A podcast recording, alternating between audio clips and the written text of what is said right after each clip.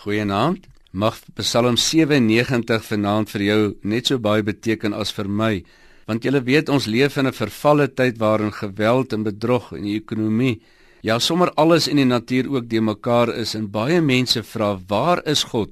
Hoekom is dinge soos dit is? Kom ek lees net eers vers 1 en 2 van Psalm 97.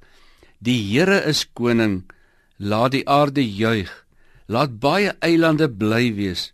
Wolke en donkerheid is rondom hom. Geregtigheid en reg is die grondslag van sy troon. Een ding waaroor ons nie kan twyfel of ontken nie, is dat God in beheer van alles is en dat hy regeer. Die Bybel sê dit hier en ook op ander plekke, maar wat wel waar is, is dat ons baie dinge nie kan verstaan nie. Jesaja 55 vers 8 en 9 sê vir ons want my gedagtes is nie julle gedagtes nie en julle weë is nie my weë nie spreek die Here.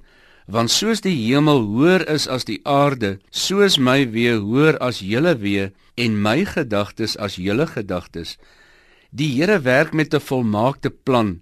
Dis 'n goddelike plan en natuurlik 'n baie hoër plan as wat ons kan besef.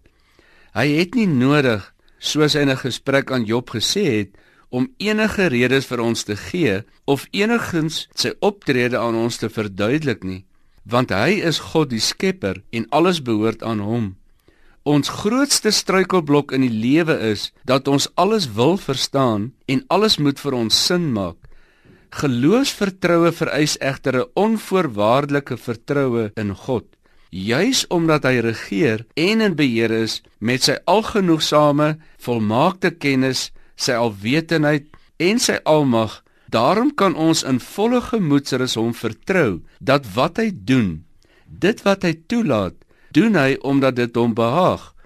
Psalm 115 vers 3 sê dit: Terwyl ons se God tog in die hemel is, doen hy alles wat hom behaag.